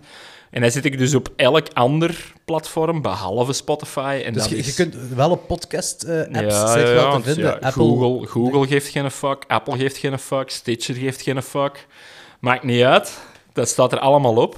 Alleen Spotify. Alleen Spotify niet, maar ja, zeker hier in België, hè, omdat ik spreek dan ook Nederlands, dus dan beperkt je eigen nog veel meer. Ja, tot twee landen. Of ja, anderhalf land eigenlijk. Ja, in Zuid-Afrika misschien. Oké, land en drie vierde. ja, voilà. In Canada zouden er ook een aantal Nederlands sprekenden zitten of zoiets, nazaten van... Die ook luisteren naar... eh? Nee, nee, nee. Er zijn wel wat Amerikanen er ook in checken, maar ik geloof nooit dat die daar echt ook maar een bal aan hebben. Ik bedoel... Allee. Ja, ik, ik, ik weet zelf niet. Ik, ik weet, bij, bij Klokslag 12 hebben wij... We zitten bij, bij Klokslag 12 en eigenlijk de Papercake omdat hetzelfde kanaal is, zitten wij... eh, we zijn uitgecheckt vorig jaar met eh 1500 en nog iets luisteraars op Ah, Spotify. Ehm, maar we hebben op YouTube hebben wij ook we hebben een tachtigtal afleveringen op YouTube. Ehm, en, eh, maar daar zit copyright materiaal in. Als in onze introlied is van Party 45, denk ik dat het heet. Eh, ja, in ieder geval van een soundtrack. Dat is een, een stukje ervan. Ja. En eh, Danny, die doet zo wat die YouTube. En hij zei van, ja, al die afleveringen die hebben een copyright claim. Maar, dus je bent nog wel vindbaar in dat. Ja. Maar je, is gewoon zo van, Je kunt niet monetizen. ja, ik weet niet juist waarom. Ja. Maar als we dan de nieuwe erop willen zetten, met hetzelfde nummer, dan wordt het onmiddellijk eraf gehaald. Ah, want ik heb nu... Bij mij hangt het... Ik zet het ook op YouTube dan, om toch nog een beetje reach te hebben. Ja? En bij mij hangt het van aflevering tot aflevering af. Dus zo, als ik integraal echt heel oude dingen doe, dan is het meestal... Het is altijd copyright claimed, sowieso. Ja. Maar er zijn zo'n gradaties in dat sommige zijn nog online, sommige zijn stukken uitgeskipt. Dat doet het algoritme blijkbaar ook. En sommige zijn volledig geblokkeerd. Ah ja. Maar de grootste gemene deler is wel, het is nieuw eigen materiaal, ook al babbelde er dan in en rond. Hè. Je hebt nog Ja, altijd ja. materiaal van anderen, dus je mag dat niet monetizen. En uiteindelijk vind ik dat ook niet meer als just. Ik bedoel, Ja, dat is ook niet mijn bedoeling en zo. Maar zo, ja, allee, de algoritmes omzeilen, dat is, dat is niet altijd even makkelijk. Nee, dat denk ik ook niet, nee. maar we hebben zo één aflevering van ons van Klokslag 12, heeft op YouTube ja, 350.000 views gehad. 350.000. En denk van, hoe de fuck kan dat zelfs? En dan blijkt dat er zo heel veel kliks uit Indonesië zijn gekomen. Ah. Ja, dan gaat, dat is een van de robot waarschijnlijk of zo. Ik, ik weet het niet, hoe kan dat anders? Ja, eh, ja, dat is er eens een clickfarm of zoiets. Maar ja, die doen Ja. dat normaal gezien tegen betaling, dus ik weet het niet. Ik weet niet waarom die dat bij Klokslag 12 zouden doen. Nee, dat is ermee. Zijn er mensen die daar likes en kliks kopen voor podcasts zodat ze fan van zijn? Ik weet het niet, maar dat, dat is toch wel een heel... Dat is een low. Dat is een low in uw life. Dat is echt toch wel heel laag. Ja, ja. Dan, dan heb je toch niet iets van... Ik heb een goed leven. Nee. Ik, ik vond het heel raar. Ik had, ik had al, eh, ik- toevallig kwam ik dat tegen. Ik zeg tegen Danny, kun je dat eens checken? Zei, ja, we hebben eh, iets van een 50.000 kliks uit Indonesië of weet ik veel. Ik zei, en dan nog, waar komt de rest van die kliks vandaan? Dat is heel bizar. Vooral omdat je zo... YouTube komt onze reach niet van. Dat is, dat is de typische podcastkanaal. Ja, Spotify ja. Stitcher en whatever allemaal. Heel bizar. Ik weet ook niet hoe de alle... Ik, ik ben nu wel een beetje... Ik probeer wel een beetje nu, sinds een maand of zo, te... te checken met die eh, algoritmes, ook op Instagram en zo, wanneer je iets moet posten en van die dingen allemaal. Ik heb ook zo'n planner op mijn gsm die dat dan zo automatisch doet. Ja. Dat ik met Duitsland dat eens gedaan. Dat is van, oké, op dinsdag om vijf uur s morgens, dan gaat je de beste reach krijgen. Dus ik heb mijn wekker gezet om half vijf s morgens om een post klaar te maken of dan om vijf uur te posten. Totdat eh Evie zei van, ja Jordi, je hebt apps die dat doen voor u. Dan Oh, moet je niet opstaan. Ik zo, oké, goed om te weten. Ik, had, ik had ook al wel deur gehad dat het een goede moment is, eh juist als de spits moet beginnen. Voor een podcast, hè. ja, ja, ja. En het valt me ook op, de podcast die ik zelf luister, dan vooral dingen van het Nieuwsblad over de koers, die komen meestal online juist voordat ik in de auto stap, rond 6 uur 's morgens. Ah, zie. En ik dacht altijd, dat is toevallig. maar dat is dus niet. Ik ben weer een beetje minder onschuldig geworden. Dus al- met timing is er altijd wel een reden voor, voor eh, Ja, al die dingen. Dus ik probeer me daar wel een beetje op in te lezen. Ehm, ook met de Funhouse, eh, ook zo'n reden waarom dat ook gisteravond online kwam. Dat ik gelezen had van op dat uur en dit en dat. En dan reels en filmpjes, Ja. hè, want dat is dan het nieuwe product van Instagram en je moet dat dan doen, want anders slaat het algoritme nu buiten. Ja, ja, ja, je hebt echt wel een Aha. grotere reach. eh, door-. En ik merk dat ook wel, dat je reach groter is, doordat ik dan nu een reel van had. Het enige stomme is dat zo, je afmetingen voor je filmpjes te maken, klopt niet 100%. En eh, als je dat reshared in je stories, Ja. dan zit je een beetje out of... eh, eh, hoe zeg je zo? Het is niet synchroon, niet 100% synchroon. Het gaat maar over één of twee frames. Je origineel filmpje is wel in orde, maar bij het resharen Ja. weer niet. Dan vind ik dat weer wat kloten. En daaraan. Uh, ja, compressie is gewoon ook een verschrikking. Hè? Want uh, ik ben dan terug, net dat de shows terug beginnen, terug wat postertjes aan het maken voor City is Dead en dan nog voor Ja. wat kameraden dan een Doom-show doen. En je zit dan zo maniacaal bezig met je zien dat je niet de pixels kunt tellen en dat allemaal een beetje eh, ja. lekker Ja. glad en slik is. En dan posten dat op Instagram en dan is echt zo gewoon Vier spaghetti. pixels. Ja, Zo- gewoon een Vier- was. Vier grote pixels. Ik had dat ook... De filmpjes die ik heb gebruikt voor de Funhouse, is wel allemaal gedownload van YouTube, dus het was al niet 100% correcte kwaliteit. Maar wel, er zaten een paar 4K-filmpjes tussen. Ik had ook wel de juiste kwaliteit uitgerenderd. En op mijn computer, kijk zo, ik zo, oh, ziet er goed uit. En dan op Instagram zeg ik van, Ja, dat is gefilmd in de jaren 90. voilà. Ik vind dat ook altijd enorm teleurstellend. Dan, zo, eh, bezig grote. met je basisafbeeldingen sourcen naar de grootste resolutie en 300 dpi en print klaar en al wat je wilt. En dan, ja, wat maakt het uit? Internet zegt toch, fuck you. Ja, dat is echt. Dat is echt zo gezever, hè. maar ja, be- ik merk, hetgeen wat ik al zeg, is, ik merk wel zo ik zo'n beetje let op algoritmes, dat we wel meer reach krijgen, dat we meer eh bereik krijgen met, tuurlijk, met ja. van alles en nog wat. Maar het is wel, het is, het is, het is het is een fulltime, als je het echt te goed wil doen, is het een fulltime job. Er zijn ook echt, er zijn mensen die SEO, denk ik dat dat heet, eh, dat dat hun functie is bij bedrijven. Gewoon dat allemaal eh, checken dat dat op de juiste manier, juiste manier gepost wordt, op de juiste tijd gepost wordt. Eh, en van die dingen allemaal. Ja, dat is logisch. Dat is gewoon een nieuw luik van bedrijfscommunicatie. Hè. Ja. Omdat, hè, want het is dan, en daar kan ik dan even een bruggetje op maken. Ik ben nu al twee jaar bezig met voor het werk sociale media te capteren. Ah, oké. omdat we op een, een punt zijn gekomen dat dat zo alomtegenwoordig en zo... Ja, nee, hoe moet ik het nu zeggen? Alomtegenwoordig, dat is logisch, maar het verdringt ook traditionelere media. Ah, ja. Wat dat je vroeger nog een boekje aankreeg of een brochure aankreeg, nee, niet meer. Dat is een mail geworden, dat is een website. En, En zelfs- mail is zelfs eigenlijk al een en nu, en daar ging kan komen, zelfs geen mail of geen website meer, een Facebookgroep, een Instagram-post, weet ik veel wat. Hmm. En ja, in mijn branche van de archiefsector dan blijkt dat dat tot grote tekorten aan het leiden is in onze collecties. Omdat hetgeen wat we traditioneel binnenkrijgen, papier op een palet, dat wordt altijd maar minder. Maar dat wil niet zeggen dat uw archiefvormers, ik denk dan aan partijen, organisaties, weet ik veel wat, Ja. Ja, die communiceren niet minder, hè. Nee, ah, nee, juist niet. Maar Eh, anders, ah, wel ja. Dus nu zijn we onderzoek aan het doen. Hè, dus dat is de volgende stap. Het is zo dat ik het wil zeggen. Hè, je zegt, er zijn ook al in bedrijven mensen bezig met hoe moeten dat nu juist posten. En wel, wij zijn al nog een stap verder. Hoe gaan we dat nu terug binnenhalen en bewaren? Want dat komt en dat gaat en je post iets, maar dat wordt niet meer bijgehouden. Hè. En dan zit dat ergens te zweven op het internet. Ja, dat Ah, zit dus, dus je bent nu bezig met die Ja, dingen terug te ja, kunnen... ja, vangen. Ja, wat dat een, een grote ramp is. Omdat eh, we hebben één jaar gedaan met gratis open source tools. Waarvoor dat je dan eigenlijk al een halve IT-nerd moet zijn. Omdat dat vanuit de command-linie... Ik ga niet zeggen coderen is, maar wel commando's schrijven. Ja. Ehm, dus dat is in Python of in Ja, C. ja, hè. Dus ja. hey, dat is echt wel... Dat is mijn eh, volgende job trouwens. Ja, wel. Ik weet dus, ik ben daar totaal uit mijn, uit mijn diepte in.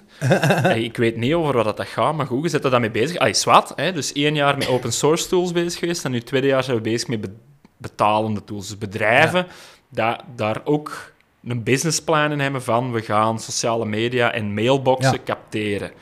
Right? Ehm, en ja, de conclusies daarin zijn tot nu toe... Je kunt jij wel terug wat afschrapen van een Facebook, een Instagram, een Twitter, en de grote drie. Ja. Maar de, de macht, misschien is macht een groot woord, maar de invloed dat die platformen, Facebook, Meta eh, en Twitter hebben, is zo groot dat je wel een tool kunt hebben dat nu een beetje data eraf haalt. Maar als die iets aan hun backend veranderen, dan die tools buiten spel, dan is het gedaan. Wat dat dus dan ook weer naar de volgende grote vraag leidt. En dat is, alles wat dat jij nu op Twitter, op Instagram, op Facebook zet, Is voor hun. Is En voor van niemand, hun. En voor niemand anders. Voilà. ja. Want als jij de terms and conditions gaat lezen, zeg je eigenlijk ook de, Ja. de terms and conditions aan het breken, aan het overtreden, als jij je data daar terug afschraapt. Je eigen data. Je eigen data. Je Jij- eigen foto's, je eigen ja, filmpjes. je kunt jij wel een archief downloaden in Twitter en in Facebook, maar dat is allemaal geanonimiseerd en dat is ook zeer beperkt. Ehm, en als je dat met een third-party tool doet, dan zit je eigenlijk in overtreding van dingen. Piraterij. Ja, dus de pir- inderdaad, uw eigen data pirateren, wat dat crazy as fuck is. Ja, dat is gestoord. En eh, met dat metaverse gaat dat waarschijnlijk alleen maar erger worden. Ja, die metaverse, daar snap ik echt de ballen van. Dat zit zo ook in die NFT-sfeer en daar snap ik ook echt de ballen van. Omdat in het begin klonk dat wel zo...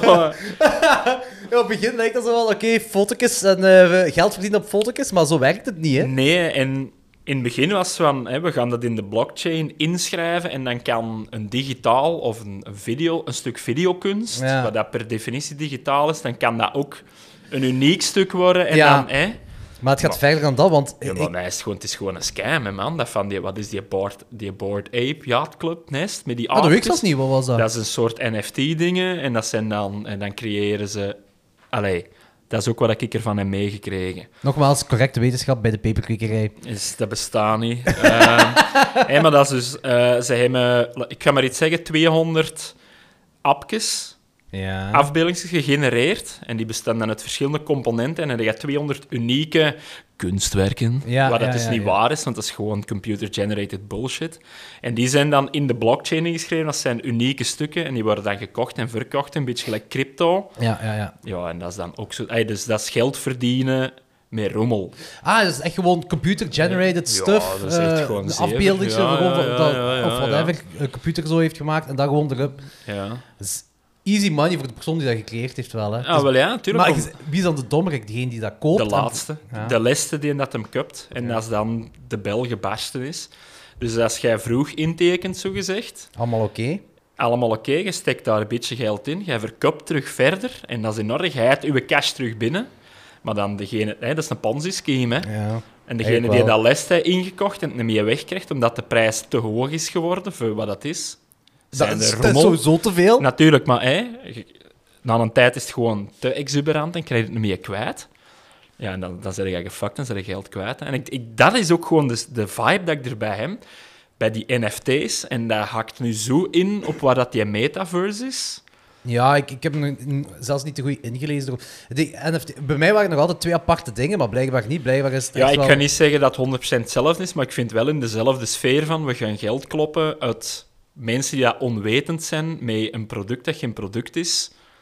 Ja, met gebakken lucht, hè. Ja. Want ja, wat kupte. Het enige dat ik van de metaverse gehoord heb, of gelezen heb, was iets van dat, dat iemand een stuk grond had gekocht in de metaverse suite, en dat was dan nef. Ik weet ook niet wat dat allemaal is. Wat was dat? Ah, maar dat klinkt logisch. Ja, maar ik, ik weet dat niet. Ik, dat wist ik zelfs niet, maar dat klinkt- ah, logisch. Het klinkt niet logisch en wel logisch als in van... Ik weet dat, dat Zuckerberg, of weet ik veel, heel dat team bezig is met de metaverse van eh, digitale ruimtes creëren. Ah, wel. En dat, dat je digitale vergaderingen kunt doen. en Voilà. gewoon van bij je thuis uit VR gewijs. Dat weet ik. Maar nu gezegd van... Ja, er heeft iemand grond gekocht, digitale grond dan ja, eigenlijk zo. wel. Space, whatever. Ruim- ruimte? ruimte gekocht, ja. Dus nu snap ik wat je bedoelt met dat, begint zo NFT-overlappingen te hebben. Ja, en, en het is dan ook, hè, en dan het betaalmiddel is dan ook een cryptomunt. Ja, waarschijnlijk. Want ja. Facebook heeft al twee keer geprobeerd Ja. met een cryptomunt Ah, kan, lanceren. zelfs Ja, een DM en dan nog iets anders, whatever. Dat is dan ook gefaald. Dus het is zo, hey, de zoek kan dan allemaal wel zeggen van, en dat wordt het nieuwe internet en meer, wat is het, samenhorigheid en bla bla bla, wollig en hippie Ja, shit. ja. Maar dat is gewoon kou hard geld verdienen. Tuurlijk, dat, dat is het enige waarom... waarom waar En nog meer data harvesten, dat is het. Maar dat vind ik zot, die da- wa- wa- waarom dat... da- wa- Hetgeen wat ik niet snap is... Allee, waar ik niet echt 100% snap is... Heeft dat dan ook met macht te maken? Van dat, dat Ja, je...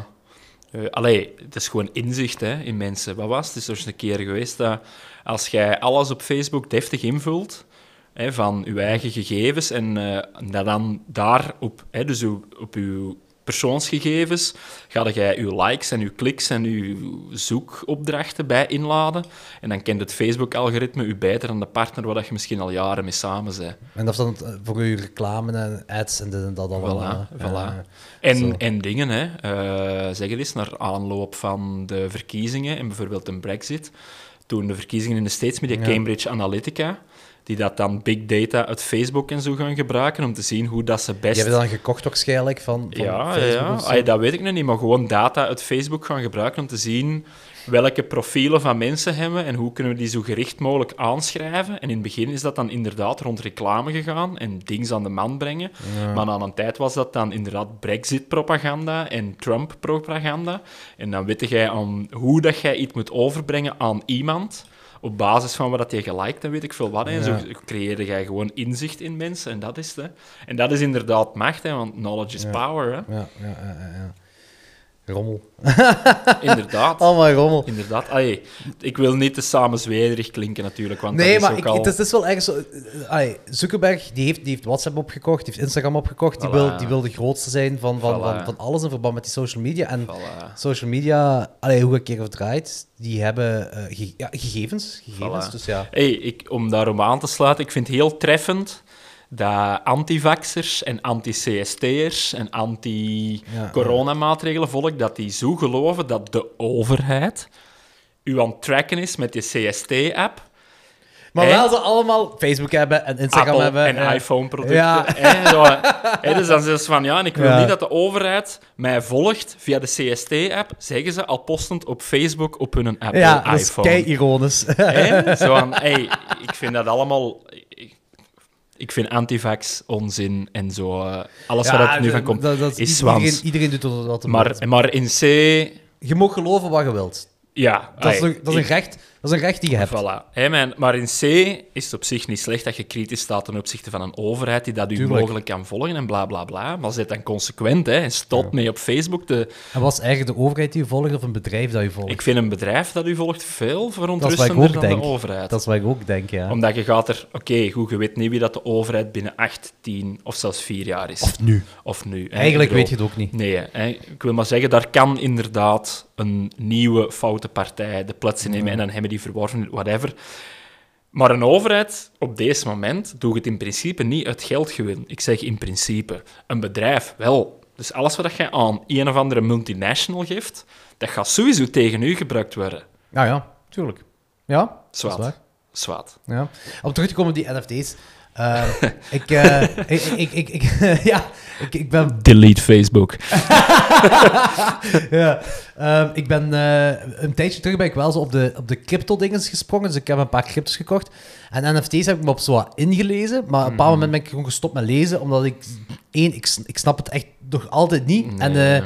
eh, eh, ik zit zo met het ding van... Dit is echt gebakken lucht. NFT's kunnen niet goed klappen, denk ik. Ik denk dat het, het basisidee, zo gelijk als ik er straks zei, van een soort digitale kunst een unieke, ding, een unieke dimensie te geven, dat was een goed idee, maar dat is inmiddels zo verwrongen door online geldgewin dat je daar niet meer van kunt terugkomen. Maar ik weet dat zelfs Capiguli was eh, zijn eigen Ja. eh, plaat van de Groovy. Ja. Ze zeggen van, stop ermee met dat NFT te gebruiken. Zo. Dus blijkbaar kunt jij gewoon Ja, ja, ja. een plaat nemen van een of andere legendarische hoes en daar een NFT van maken Ja. en dat verkopen op een blockchain en daar keiveel geld op Ja, cashen. maar Jumbo-Visma heeft de drie overwinningen van Wout van Aert in de Tour ge-NFT'd. Dus dat is dan nog bizarder. Dan, dan zeg jij de rechtmatige eigenaar volgens de blockchain van een moment in de tijd. Ja, dat is bizar. Dat is Zo, heel je? bizar. Maar dat is toch... Je kupt toch gewoon niks? Ja, maar hoe kom... Hè? Hoe werkt, hoe Ja, werkt dat? zij hebben is daar een dan- tv-beeld of zo? Dat nee, ze houden daar dan ook weer zo supergoeie kopen digital art bijgemaakt. Van hè, zo zijn Ah. aankomst. En dat staat dan symbool voor die overwinning. En dus je kupt jij symbolisch Van Aert dat twee keer over de Van Tour en wint. Maar praktisch heb je dan een of ander debiel prentje. Het is gewoon Het is fucking zever. Nu ben ik wel aan het denken, hoe ver zou ik de mensen krijgen van als ik zo eh, eh, symbolisch mijn zaailingen die aan het groeien zijn, Een kan... foto daarvan. Ja, daar een NFT Ja. van maken en daar zo Ah, van... wel, ja. Hier, zeg, kom maar, kei uniek, zeg, kei uniek. Nee, hè, voilà, inderdaad. Dat is, hè, omdat als jij zegt, ik verkoop mijn plantjes, dat is transactie van cash voor een plant of een plant voor Ja. een plant, whatever. Maar dan inderdaad, je, je zou kunnen zeggen, ik verkoop mijn zaailing, de plant, maar ik verkoop ook de zaailing, de foto ervan, het idee van de plant. Het idee, dat, dat, dat dus, hè, inderdaad. iemand ja. koopt dan de fysieke plant en die vergaat na een jaar en die is weg. Maar dan is er nog een tweede iemand en die heeft forever de, het immortal idee van die plant. Van die plant, van die zaaieling. En je mag het hebben. En je mag Voilà. het hebben. Dus als ik een luisteraar... ik ga hem op de NFT's gooien. Ja, eh, we hebben eh, onze mening herzien. NFT's zijn fucking cool. Ja, zeker weten. oh. Nee, maar zo en daarmee, hè. En Want zo crypto is ook dubieus en heeft ook zijn nadelen, maar dat is op zijn minst nog... Hey, dat heeft zijn waarde omdat het ehm, verhandeld wordt. Ja, dat, dat, dat, dat is ruilhandel. Het is ja. eigenlijk ruilhandel op, op. Het wordt nog niet echt gebruikt in, in, in de gewone wereld, hè. Maar Nee, nee, nee, ik nee. denk wel dat ooit wel... Jawel, in dingen. El Salvador. Ja, en toen is het is heel raar. Ze zijn begonnen met bitcoin en bitcoin is toen gekelderd. Wel of niet? Wel. Ah, ja. Ja. Ah, wel ja, natuurlijk. Omdat Dat is niemand... begonnen eh, zijn ermee, ja. Dat is echt... Maar ja, nu ook, hè. Met dan eh, dingen. Zeg het eens, met de oorlog in het oosten is de Ja. bitcoin zo ook, omdat blijkbaar superveel van die mining servers staan dan in Kazachstan en dergelijke. Dus iedereen heeft dan schrik dat dat de servers waren opgeblazen en dat dan allemaal weg is. Ik, ja, ondertussen is het terug weer, weer omhoog gegaan, maar ik weet eigenlijk echt niet hoe, wa- wat sommige... Op een bepaald moment had Elon Musk een foto van zijn hondje gepost en was er zo die ene Shiba-munt, was zo keihard zo Ja. 300 miljoen procent gestegen. Ik zal een verhaal vertellen over Dogecoin. Toen dat Dogecoin uitkwam... hè, Maar het dus was niet de Dogecoin, Nee, dat is. Shiba, die, Ja. een derivaat ervan. Ja, maar de, ja, de ja. OG meme-munt, de Dogecoin, is uitgekomen in 2000 en whatever, ergens 2019, 11, Zoiets, 12, he- vrij recent. whatever. En ik zat toen juist in mijn laatste, in mijn master te blokken. En toen heb ik bij wijze van afwisseling of pauze van studeren wat bezig geweest met Dogecoins verzamelen. Omdat dat was toen dirt cheap en ze gaven dat weg en je kon dat ruilen en bla bla bla. Dan had ik stommelings 1600, dus 1600 Dogecoins binnengehaald. Holy shit! En dat was toen op dat moment 0,000000000 Ja, ja. 35 miljoen nullen, 3 dollar waard. Dus gewoon straight up de Niks. Ellen trick niet dat je nodig had voor die wallet open te doen. Maar goed, ik had die dan. Tien jaar vergeten, totdat dan hij de Musk daarover begon te meme tweeten op Twitter. Ja, En er is een gegeven moment geweest dat dat 50 cent waard was, of ja, zoiets. ja, ja, ja. Ja, had ik begot wel een half maandloon aan die stomme fucking Dogecoin. Maar, dan zijn we er dan. Mijn wallet was al tien jaar niet meer geüpdate. Dus in net drie, ja- drie weken aan het updaten geweest. En ik had juist de grote piek gemist. Oh nee! Ja, dan heb ik er zo nog 60 euro van gehaald. Wat dat op zich veel is en dat maakt allemaal niet uit. En zo. Nee, Het want het is zo, wel balen. Dat, dat... Fucking Elon Musk. Ja, het is echt balen, want je gaat, ah, je gaat Ja, mega nee, veel geld kunnen hebben Ah, ermee. ja, hè. ja, toch even wel een mooie, een mooie duit. Allee, ja, zo wat goed. Inmiddels zijn er ook al wel een beetje bij gekeerd, omdat als je hoort dat ze in de States nu... Er zijn eh, crypto-bedrijven die daar echt bezig zijn met enkel crypto verhandelen en minen. En dus die hebben dan hun eigen serverpark. Serverpark? Serverpark. En, eh, en die bouwen dat dan blijkbaar naast oude bruinkoolcentrales, dat al vijf jaar dicht zijn, doen die dan terug open omdat ze er zoveel geld mee verdienen. Is dat echt? Om de- ja, allee, dat stond in de morgen met zo'n heel doemdenkend artikel over hè, dat crypto toch ook een belasting is op het milieu. Wat de hel? En je staat er dan niet bij stil, maar blijkbaar gaat het dan inderdaad zo ver dat ze in de States steenkool en En dan gaat het over digitale munten. Ja, ja, omdat dat zoveel rekenkracht... Ja, oh, jeez, dat is zot. Ja, ik weet die mining dingen wel, dat dat zo... De, de Ah, echte ja. mining devices wel, dat dat heel veel energie Ja. opslurpt. Maar het ding is, elke transactie moet ook gecleared worden en berekend worden in de blockchain. Dus zelfs voor te kopen en te verkopen moet je al die rekenkracht nog hebben. En allee, als je echt een hardline groene jongen wilt zijn, dan mogen je eigenlijk... Ook niet met crypto bezig zijn. Nee, ja. Tenzij dat je hem zelf, uw miner, aandrijft met een velo dan of zoiets. Allee, een hamsterwiel. ja. Dus, allee, ermee. Maar allee, goed, Dat wist ik dus niet. nee. Ah, ik, ik- misschien dat ik het wel, maar ik, ik- je staat er gewoon niet zo bij stil. Nee, dat het niet, ding. omdat je zit er ook een beetje mee bezig als normale mens. Om, ja, het wordt ook verkocht als een alternatief voor beleggen. En Ja. je ziet dat dan ook gelijk als gewoon alternatief voor aandelen. En daar staat er ook niet bij stil dat dat eventueel een belasting op eender wat is. Maar zo, ja. Ja, zo heb ik zo een, een app en dat heet Pi, Pi. Eh, en dat is ook een, een soort van munt, maar het is nog geen crypto. Maar het is zo... Ik heb het, is aangesmeerd bij mij door, door Wesley, maar allee, aangesmeerd, het kost geen geld of zo. Het is gewoon, het is een mining app, dus je mijnt iedere dag op een bepaald uur, zeg van ja, je moet je pi nog Ah. mijnen. En je mijnt dan eigenlijk munten, die pi-munten. Maar die pi zit nog niet op, de, op die blockchain. Ja, ja. En eh Wesley zei, doe dat gewoon elke dag. Ik doe dat ook elke dag, iedere dag. Eh, en eenmaal dat het op de blockchain komt, heb je wel al die munten al. Ja. En dan kan dat zijn dat dat in één keer gaat exploderen en heel veel geld. Dus nu zit ik al twee jaar, iedere dag, Ja. op een bepaald uur op dat knopje te duwen. Gelijk een van de rantenbiel. Nee, nee, niet gelijk een van de randtebeelden. Dat is gelijk als Lost. Ja, ja. ik ben er ook niet. Nee, ja, dat is toch ook ergens, Ja, hè? ja, ja, inderdaad.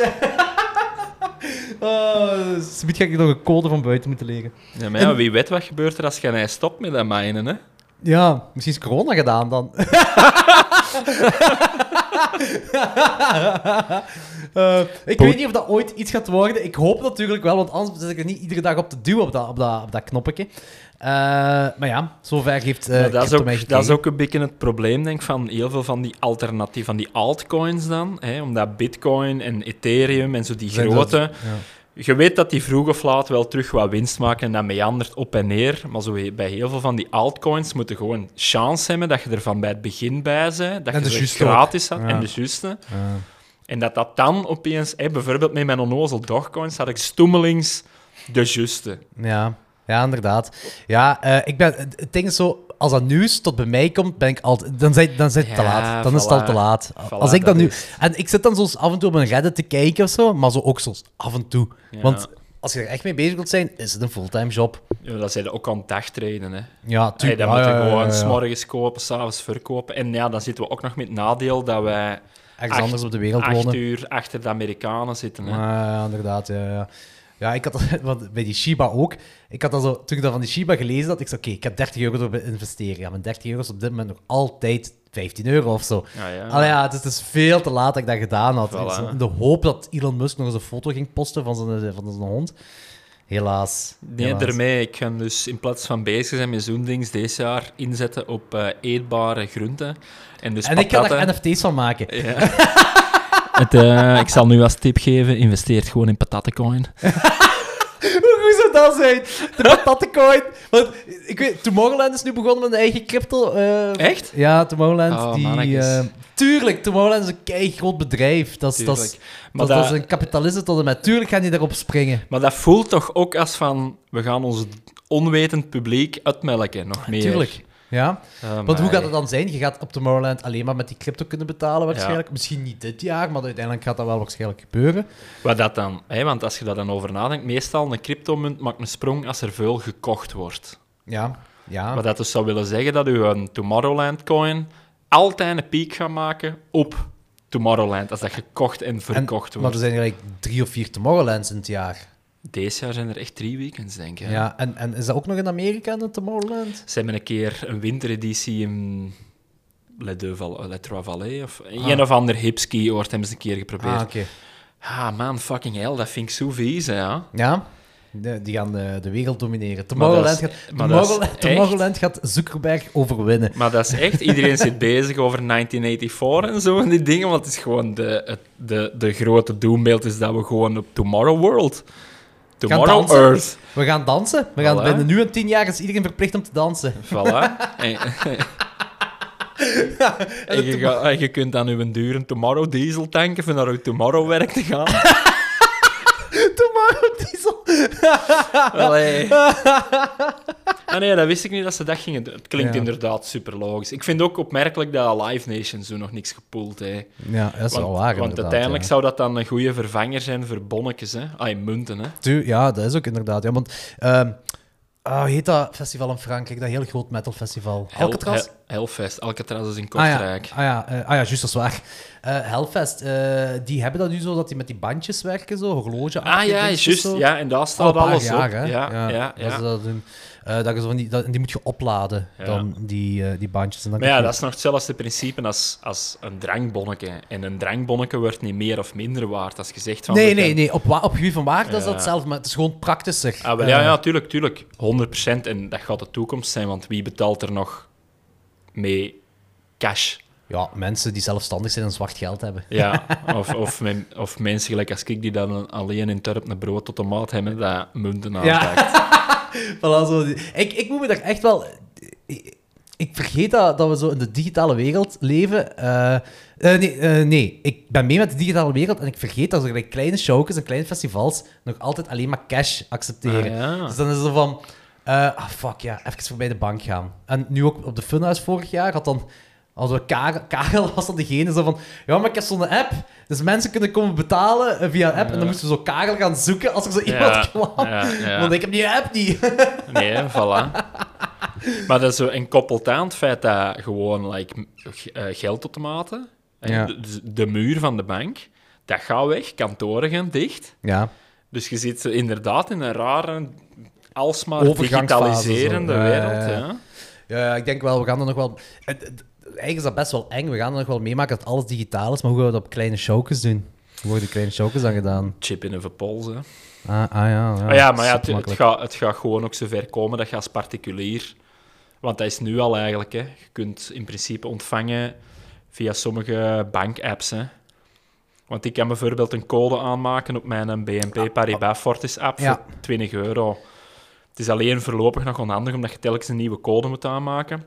Maar eigenlijk voor kleine shows, zodat dat in principe ook zo kunnen gaan dat jij gewoon iedereen... Je uw- gsm en dan Ja. ze dat in. Alleen En- gaat dat inderdaad, daar zit mee het grote probleem. De bank gaat dat super loes vinden, dat jij Ja, dan opeens gaan- 1000 euro verdient. Ja, ja, voilà, inderdaad. Dan zit je zo... Omdat Allee, je zeker 50 betalen net van 20 euro of zo. hè. Ja, ja, inderdaad. Maar je moet dat geld ook geven aan de bands. En die bands die op tour zijn, dus dan moet je eigenlijk onmiddellijk door. Ja, inderdaad. Dus dat is... Dat is een beetje bizar. Zo al. Maar in principe gaat dat wel allemaal. Maar die gaan inderdaad loes vinden. Die gaan denken dat je een van de drugsdeal bezig zit. En dan, voilà. en dan gaat dat doorgaan naar de, de overheid. En dan Voilà. gaat je, komt de belastinginspecteur langs. En, En dan... daarom hebben DIY punkshows patattencoin nodig. We gaan het nu in de wereld sturen.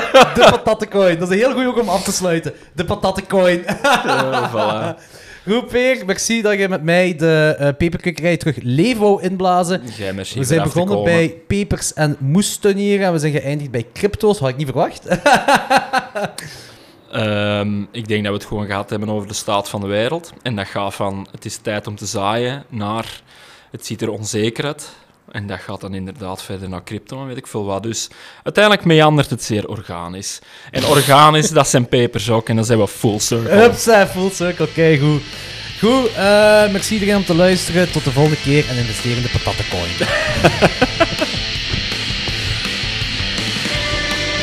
Alright, dit was de peperkwekerij van deze week.